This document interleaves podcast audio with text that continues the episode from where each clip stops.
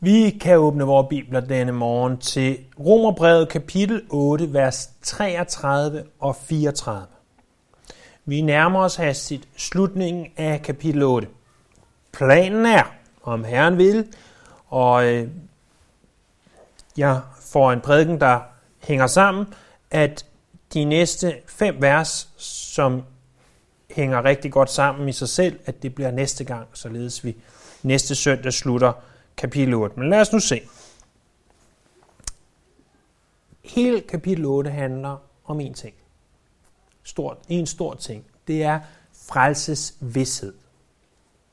Der er få ting, som er så ødelæggende for den kristne, som usikkerhed på, om vi virkelig er frelst, om vi kan miste vores frelse, om øh, de her ting, som nok egentlig plager os mere, end vi tør indrømme. Så efter at Paulus i de første fire, fem kapitler forklarer, hvad frelsen er, så begynder han at forklare os, hvordan kan vi så være sikre på, at vi er frelst, og at vi kan være sikre på, at vi er frelst. Og i særdeleshed kapitel 8 handler om det her. Vi læser i vers 33 og 34 følgende. Hvem vil anklage Guds udvalgte? Gud gør retfærdig. Hvem vil fordømme? Jesus Kristus er død, ja endnu mere. Han er opstået og sidder ved Guds højre hånd og går i forbøn for os. Det her det er nogle ganske praktiske vers. Det kan godt være, at det ikke lyder sådan, når vi først læser dem. Men vi husker fra slutningen af kapitel 7, hvordan at hver af os øh, selvom vi er kristne, stadig synder. Det er det her med, det gode, som jeg vil, det gør jeg ikke. Det onde, som jeg ikke vil, det gør jeg alligevel. Det ved vi ikke bare fra Bibelen, det ved vi også af praktisk erfaring. Og hver af os, når vi synder, som kristne, vi siger, at vi elsker Gud, og vi sidder alligevel under lovsangen og tænker på noget, vi godt ved er synd så begynder vi at tænke, sikke en forfærdelig kristen jeg er. Det var, da, øh, det var da en modbydelig kristen jeg er. Og du føler, at anklagerne og fordømmelsen havler ned over dig. Og pludselig føler du dig måske ikke særlig sikker i din frelse. Hvis det er dig, måske ikke i dag, men måske en anden dag, så er budskabet til dig, at for den kristne, der er ingen anklage. Der er ingen fordømmelse. Intet ved det vil kunne røre ved dig, for du er allerede tilgivet. Teksten i dag deler sig i to dele. Vers 33 handler om, at der er ingen anklage, og vers 34 handler om, at der er ingen fordømmelse. Det er de to ting, vi vil se på. Ingen anklage, ingen fordømmelse. Øh, for hver af de her to hovedoverskrifter, der er der først et spørgsmål, og så er der et svar. Så vi skal se på ingen anklage med et spørgsmål og så et svar, og så ingen fordømmelse med et spørgsmål og et svar. Først ingen anklage. Der stod der i vers 33. Hvem vil anklage Guds udvalgte? Gud gør retfærdig. Spørgsmålet det er, hvem vil anklage Guds udvalgte? Det er spørgsmålet. Ordet for at anklage, det findes interessant nok syv gange i det græske nye testamente. Den ene gang, det er selvfølgelig her i Romerbrevet kapitel 8. De seks andre gange er i den sidste halvdel af apostlenes gerninger. Og hvis du husker, hvad der er i den sidste halvdel af apostlenes gerninger, eller har fulgt med, når, når René han prædiker, så handler den sidste halvdel af apostlenes gerninger hovedsageligt om, hvordan Paulus han går fra retssag til retssag, fra anklage til anklage, hvor han bliver anklaget for det ene og anklaget for det andet. Og det er sådan, at vers 33 og 34 kan vi sige, der befinder vi os i retssalen. Ordet at anklage, ordet at fordømme er retsord. Ord, som hører til i retssalen. Spørgsmålet er, hvem vil anklage os? Og man må sige, der er mange, der gerne vil anklage os. For det første, så vil vores samvittighed gerne anklage os. Øh, samvittigheden, det er sådan en, en indbygget alarmmekanisme.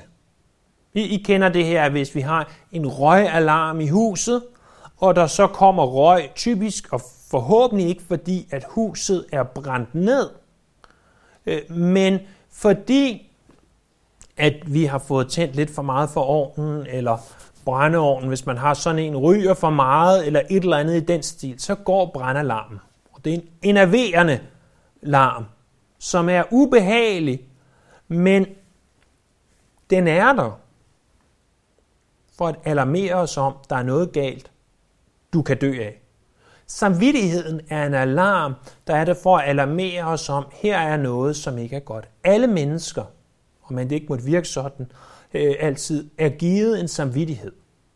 Du kan gøre det med din samvittighed, at du filer den. Så til sidst så er den så rund, så at du ikke mærker samvittigheden. Det er jo klart, at vi kan spørge os selv, hvordan kan en masse morder blive ved med at slå ihjel? Jamen, hvis han har en samvittighed, det kan han, fordi han filer sin samvittighed. Det, det vil være det samme for en tyv. Og men jeg så et klip på Facebook, tror jeg det var i går, hvor at der var en tyv, der havde brudt ind i et autoværksted over i Jylland, øh, og havde stjålet 4.000 kroner. Han havde åbnet kassen, der lå måske 20, 30, 40.000, så han taget 4.000 fra kassen. Lukkede kassen igen. Der stod en ny iPad ved siden af, en ny computer osv. Men han var faktisk kommet tilbage senere samme aften og havde lagt de 4.000 sammen med et brev. Undskyld, jeg har taget de 4.000.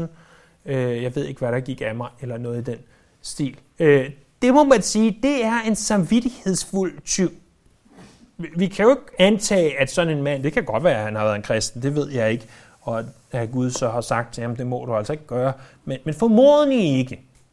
Men han havde stadig en samvittighed. Og det er en rigtig god ting, for ellers så vil alle mennesker gå rundt og stjæle fra hinanden, og alle mennesker vil gå rundt og slå hinanden ihjel. Alle mennesker har den her gudgivende samvittighed i en eller anden grad. Problemet er bare, at når du bliver kristen, så holder samvittigheden ikke op med at fungere. Og, og det vil også sige, at hvis du tænker noget syndigt, og du læser i bjergprædiken, at hvis du bare tænker noget, som er forkert, så er det en synd. Øh, eller øh, hvis du læser om de 10 bud og får at vide, det må du ikke, og du så gør det, så siger din samvittighed til dig, du gør noget, du ikke må. Alarm, alarm, alarm. Og faktisk skriver øh, Johannes sådan her i sit første brev, kapitel 3, vers 20. Hvad end vort hjerte fordømmer os for, så er Gud større end vort hjerte og kender alt. Mine kære, hvis vores hjerte ikke fordømmer os, har vi frimodighed over for Gud. Vores hjerte fordømmer os. Det må være en eller anden grad den her samvittighed, der fordømmer os. Og det gør den. Den anklager os. Samvittigheden går ind og anklager os og siger, her har du gjort noget galt. Der er andre, der anklager os. Det er ikke kun vores samvittighed. Verden anklager os. Verden vil anklage dig, fordi du er anderledes. Fordi den ikke forstår dig. Den forstår ikke, at vi prioriterer at gå til Guds tjeneste søndag formiddag. Den forstår ikke, at vi fravælger sex før ægteskabet, eller at vi fravælger andre ting, som verden er ligeglad med. Den forstår ikke dine prioriteter. Derfor vil den anklage dig. Johannes kapitel 15, vers 19 siger Jesus, Var I er verden, vil verden elske jer. Helt ærligt, hvis vi var af verden, vil vi så ikke være de mest populære mennesker i byen? Måske. Men jeg er ikke af verden. Jeg har udvalgt jer af verden. Og derfor hader verden jer. Verden anklager os. Altså mennesker, som ikke er her i Kristus, de hader os. Måske ikke alle sammen med ordet had, som vi typisk forstår det, men hvis du bor dybt nok ind, så bryder de sig ikke om det, vi gør. Der er en tredje, der anklager. Det er Satan. Satan kaldes i åbenbaringen kapitel 12, vers 10 for vor brødres anklager. Og han går ned og anklager os. Vi har et eksempel på det her i Zakarias bog, kapitel 3, vers 1. Der stod, så lod han mig se ypperste præsten Josva, som stod foran herrens engel, mens Satan stod på hans højre side for at anklage ham. Satan eller nok snarere en af hans håndlanger, altså dæmonerne, de kommer til dig, og så fortæller de dig, du er ikke god nok. Du kalder dig selv en kristen. Men, men helt ærligt, tænk på, du læser ikke nok i Bibelen. Du beder ikke nok. Du følger ikke godt nok med til Guds tjenesten. Du giver ikke nok. Du gør ikke nok. Alt det anklager han for dig. Han siger, et Guds barn vil umuligt tænke sådan. Et Guds barn vil umuligt opføre sig sådan. Hvis du var en kristen, så ville du gøre sådan og sådan. Sådan anklager han dig. Så der kommer de her til dig, din egen samvittighed. Der kommer verden, og der kommer Satan, og de anklager os alle sammen. Forestil dig, at du stod i en retssag. Der ikke bare var én anklager, men der var tre anklager, der råber, skyldig, skyldig, skyldig. Ham her, hende her, de er ikke kristne. Jeg dømmer dem til ikke at være kristne. Jeg anklager dem for ikke at være kristne. Jeg anklager dem for ikke at være gode nok. Det, det er sådan set det, der sker.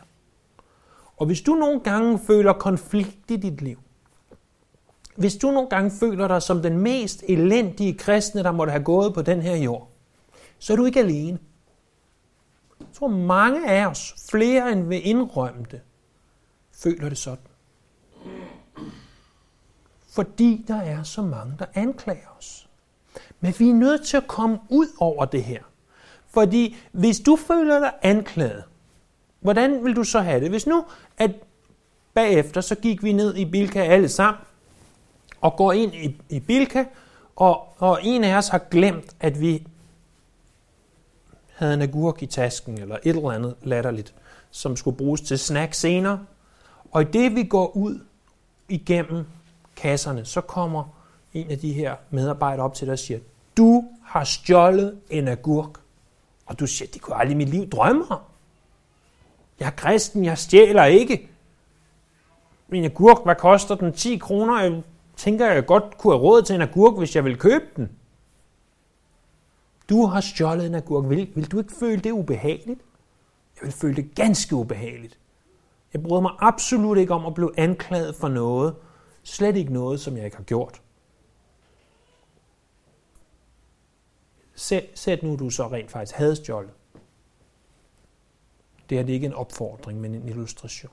Sæt nu, du så havde stjålet og blev taget, og de anklagede dig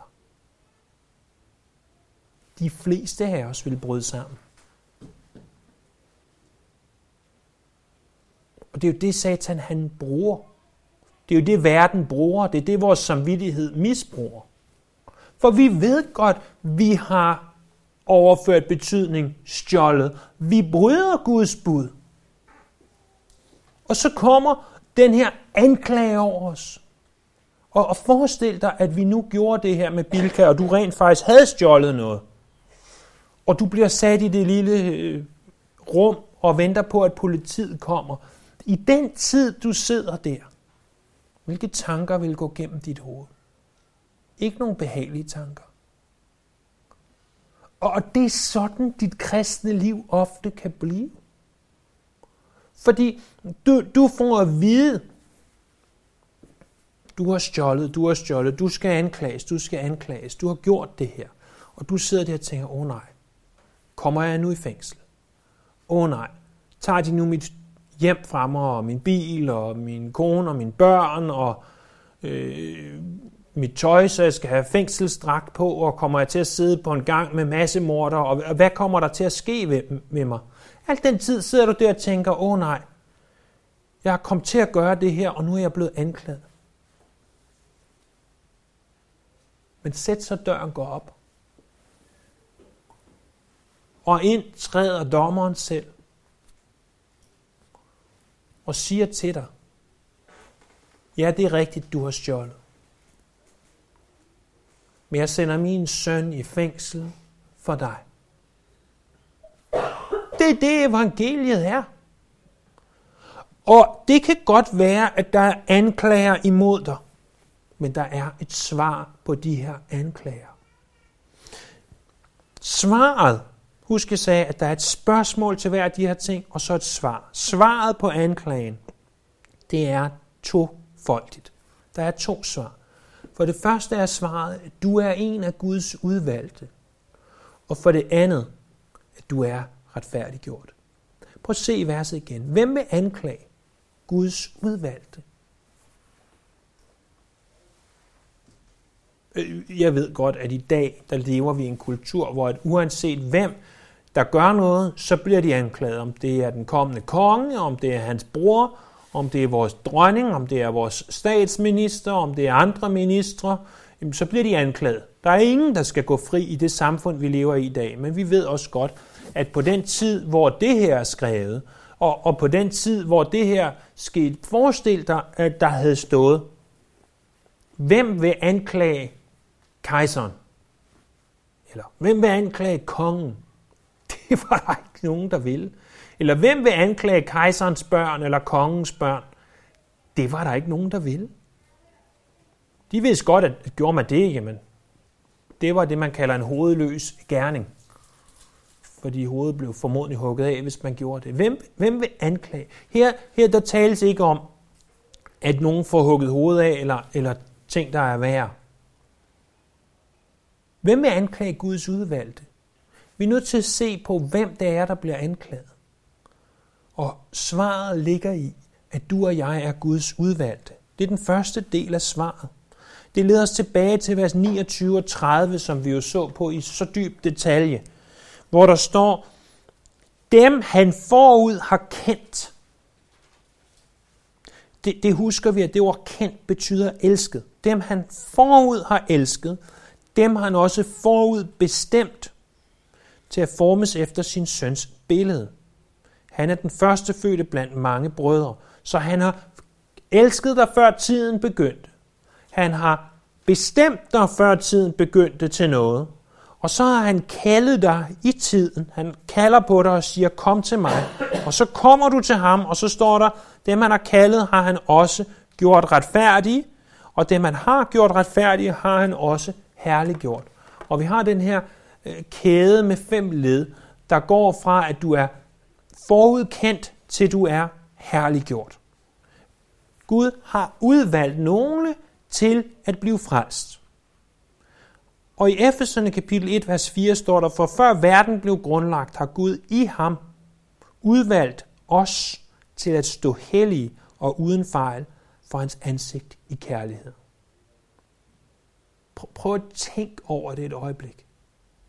Hvis du tænker over, hvor stor Gud er, og hvor mange ting Gud han skal styre hver eneste dag, så tænk over, at før han før du læser 1. Mosebog, kapitel 1, vers 1, i begyndelsen skabte Gud himlen og jorden. I, I så at sige 1. Mosebog, kapitel 0, eller hvad du nu vil kalde det. Der elskede han dig. Og hvis du er en af dem, som Gud elsker, og en af dem, som Gud har udvalgt til at blive frelst, så kan ingen anklage hænge på dig.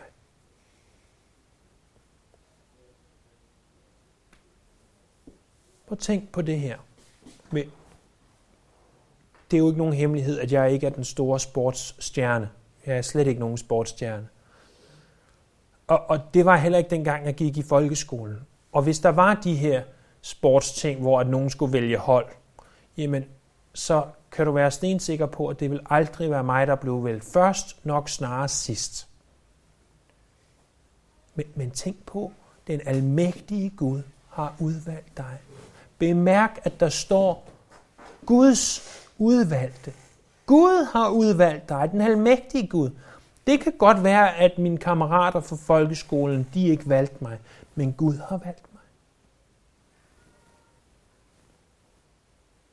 Og jeg ved godt, at i det samfund, vi lever i, hvor vi har det her forfærdelige koncept jantelov, hvor man siger, du må, du må ikke tro, du er noget. Du skal bare sidde med dukket nakke og sige, jeg er også forfærdelig, jeg er også forfærdelig, jeg er ikke god nok. Men du er udvalgt af Gud. Den almægtige Gud har valgt dig til at blive frelst. Jeg ved godt, det følger en masse spørgsmål med, og vi skal nok vende tilbage til de spørgsmål i kapitel 9. Men, men tænk nu bare på dig selv lige et øjeblik. Det må man godt en gang imellem. Gud har udvalgt dig. Og hvis Gud har udvalgt dig, så vil ingen anklage imod dig holde. Anklagerne, de kommer. Og vores samvittighed siger til os, du er ikke god nok. Hvor verden siger til os, jeg hader dig, fordi du er en kristen. Og Satan siger til os, du er da den mest forfærdelige kristne af alle. Og så svarer du dem, det kan godt være, at du har ret. Men jeg er blandt Guds udvalgte.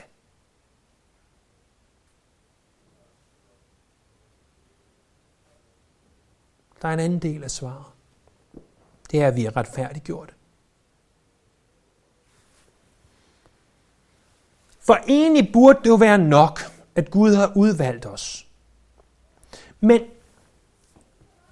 fra tidernes morgen bestemte Gud det sådan. Jeg har en lov, og den lov skal overholdes. Det er også derfor, hvis du for nylig har forsøgt at læse igennem Bibelen, og du læser første Mosebog, rigtig spændende, første halvdel af anden Mosebog, rigtig spændende, alle de her historier og kendte beretninger, som vi fortæller om inde ved siden af i børnekirken, så rammer du midten af anden Mosebog. Og så går det altså ellers i gang. Lov på lov på lov. Jøderne siger, at der er 613 lovbud. Det er mange for en gammel bog. Det er ikke så mange love, som vi har i Danmark, men, men det er mange love alligevel. Gud har en lov, og den lov må overholdes. Hvis du overtræder den lov, så fortjener du at dø. Når lagt mærke til, hvor mange gange, når vi læser Moseloven, at hvis du gør det her, så fortjener du at dø. Hvis du gør det her, så fortjener du også at dø. Så tænker du, det har jeg da gjort, jeg fortjener at dø. Ja, du fortjener at dø. Du fortjener at dø. Gud har en lov, og den lov må overholdes. Hvis den lov ikke bliver overholdt, hvis den lov ikke bliver opfyldt, så bliver Guds retfærdighed krænket.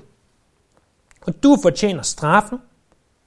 Og, og hvis der er en lov, så er det uvæsentligt, om du synes, det er rimeligt eller ej. Hvis der står højt, klart og tydeligt ude langs vejen, her må du køre 70 km i timen, og du kører 71 km i timen, så har du brudt lov. Så er det sådan set fuldstændig ligegyldigt, om du synes, det er rimeligt at det kun var en kilometer hurtigere, eller urimeligt, du har brudt loven. Sådan er lov. Så ved jeg godt, at i den virkelige verden, så kan det være, at de gør det her og ser gennem fingre med, og at de tænker, at det går nok. Men, men, men du har brudt loven, og hvis nogen vil, så kan de anklage dig, og så skal du straffes.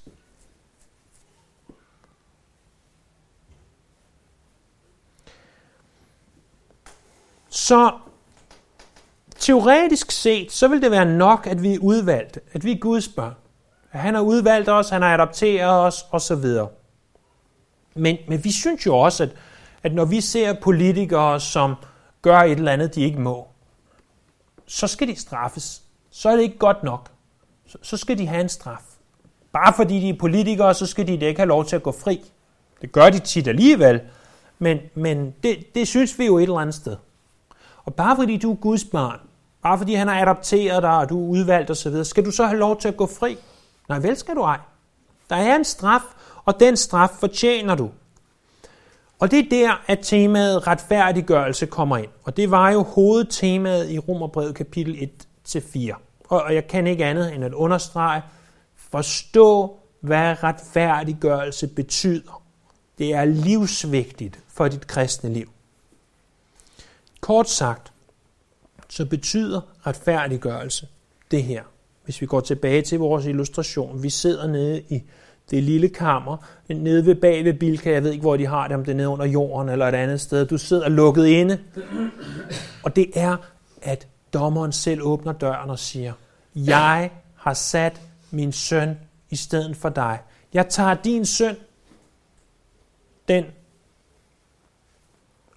iPhone, eller hvad du stjal i Bilka, agurk vil måske være lige voldsomt nok, men den iPhone, du stjal, den søn, den tager jeg og lægger på min søn. Så min søn, han tager straffen for dig. Åh, siger du. Tusind tak. Tusind tak. Jeg behøver ikke frygte mere. Du har taget, du har taget straffen for mig, dommers søn, Jesus. Men retfærdiggørelse er mere end tilgivelse.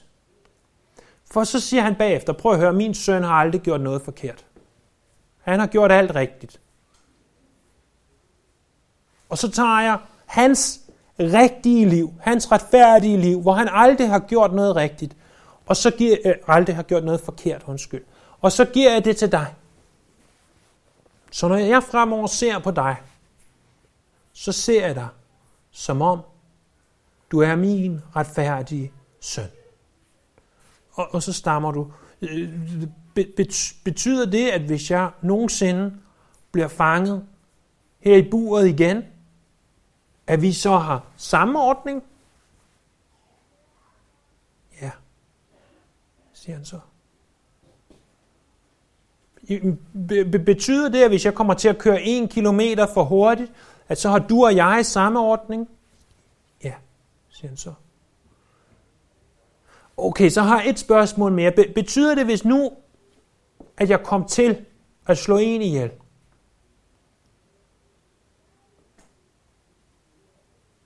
med en økse. At du og jeg så har samme ordning? Ja, siger han så til dig. Øhm, okay, et, et spørgsmål mere.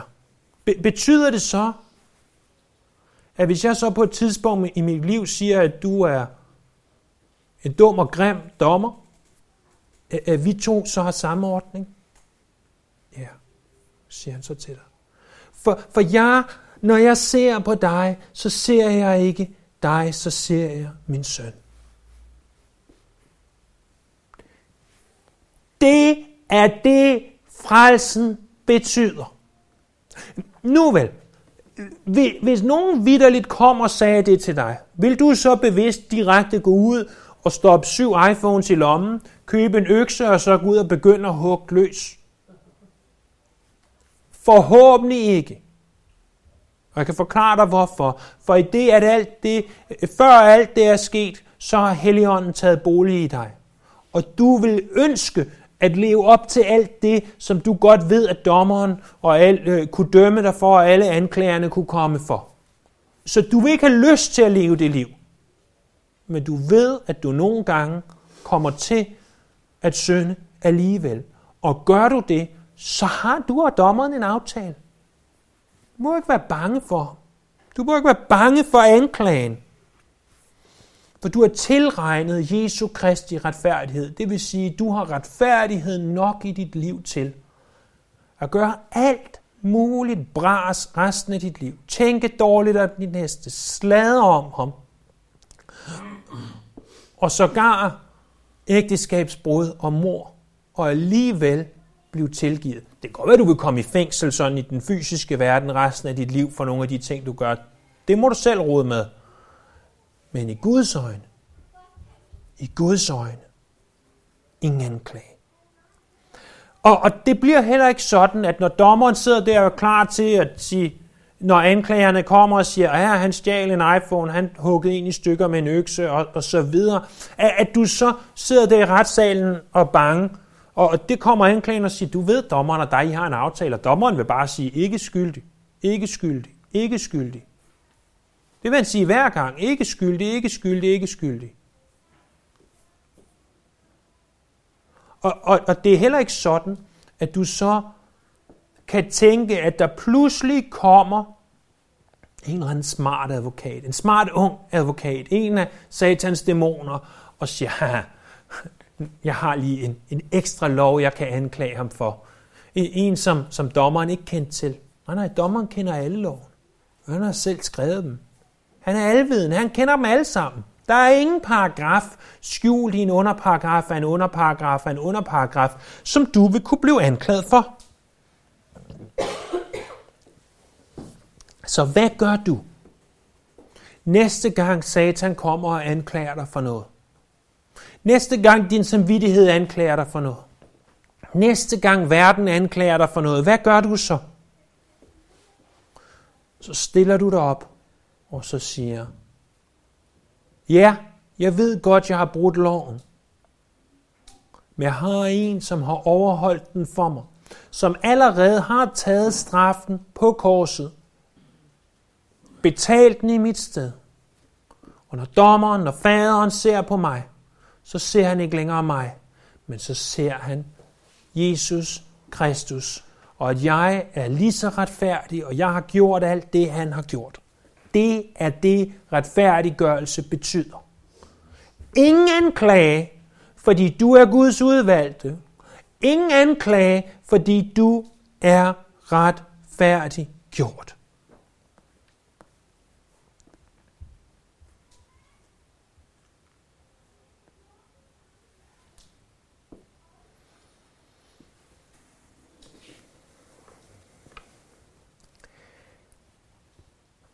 Jeg sagde, at vi nåede to vers i dag, men det gør vi ikke.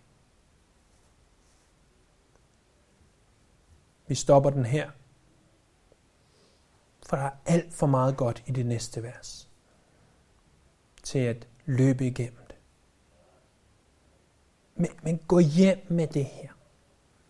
Ingen anklage.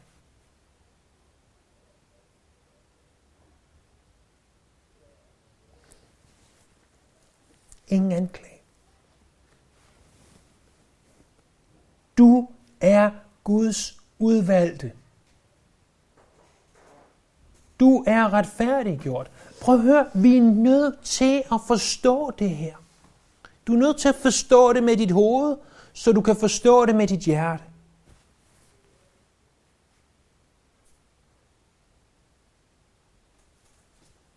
Det er ikke, det er ikke nemt. Det er livsnødvendigt. For jeg tør næsten ved på, at hvis du satte dig ned og snakkede med langt de fleste kristne, så vil de føle, at vi er ikke gode nok. Vi gør ikke nok for Guds rige. Vi lever ikke altid, som vi bør. Vi får ikke læst nok i Bibelen. Og det er sikkert også rigtigt, objektivt set. Det er bare ikke sådan, Gud ser det. Kan du forstå, hvilken frihed det er, at du føler, når du begynder at forstå det her?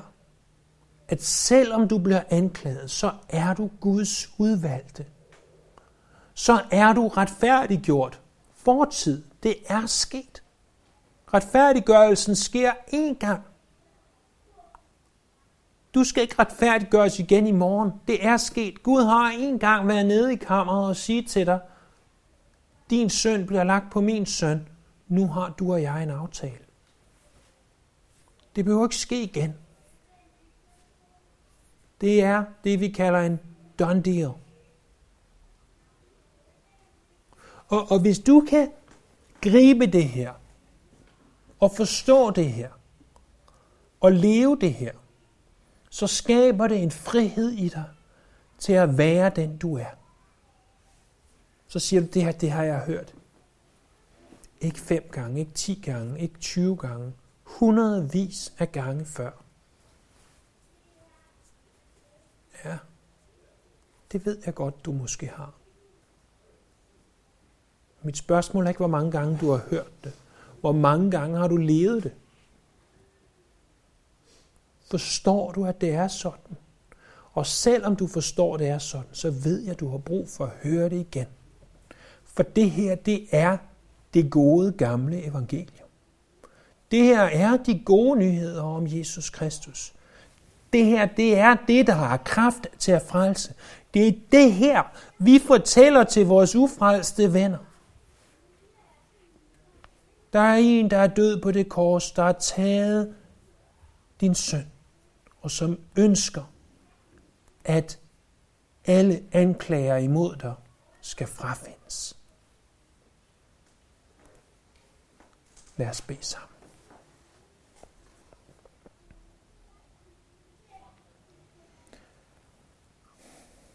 Himmelske Far, skaber og Gud.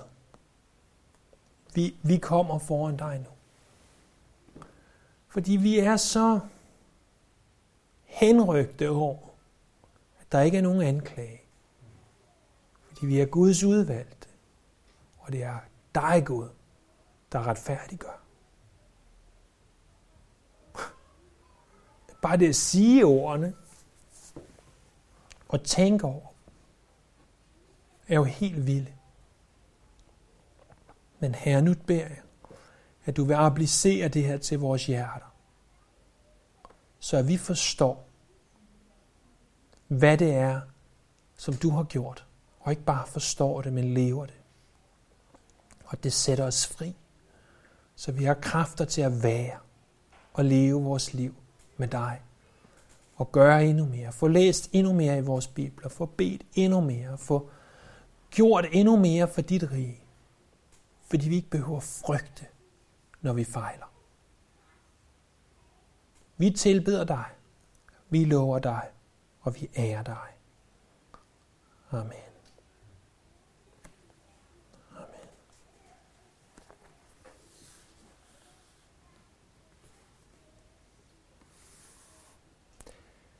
Det er så vigtigt for os at forstå, at når jeg skriver noter til en prædiken og tænker, det her, det kan jeg godt nå på 40 minutter, 35 minutter, og jeg så ikke kan nå det, så er det ikke fordi, at jeg er mere udisciplineret, end jeg plejer. Men tror jeg, fordi at Helligånden vil sige noget til os igennem det her og at vi beder om, at Gud, må du være til stede i den her prædiken. Helligånd, må du tale igennem mig. Og så fred være med, om romerbrevet tager 200 gange eller 201 gang. Det er nok ikke det, der ændrer noget for os. Jeg ved godt, at vi bruger lang tid i romerbrevet, men det er også formodentlig den vigtigste bog i hele det nye testamente, i hele Bibelen. Og vi bliver ved, indtil vi har forstået det her. Indtil vi når det slutningen af det 16. kapitel. Det er min intention, at vi sætter hastigheden op. Men lad os nu se, hvad Gud vil gøre ved sin ånd.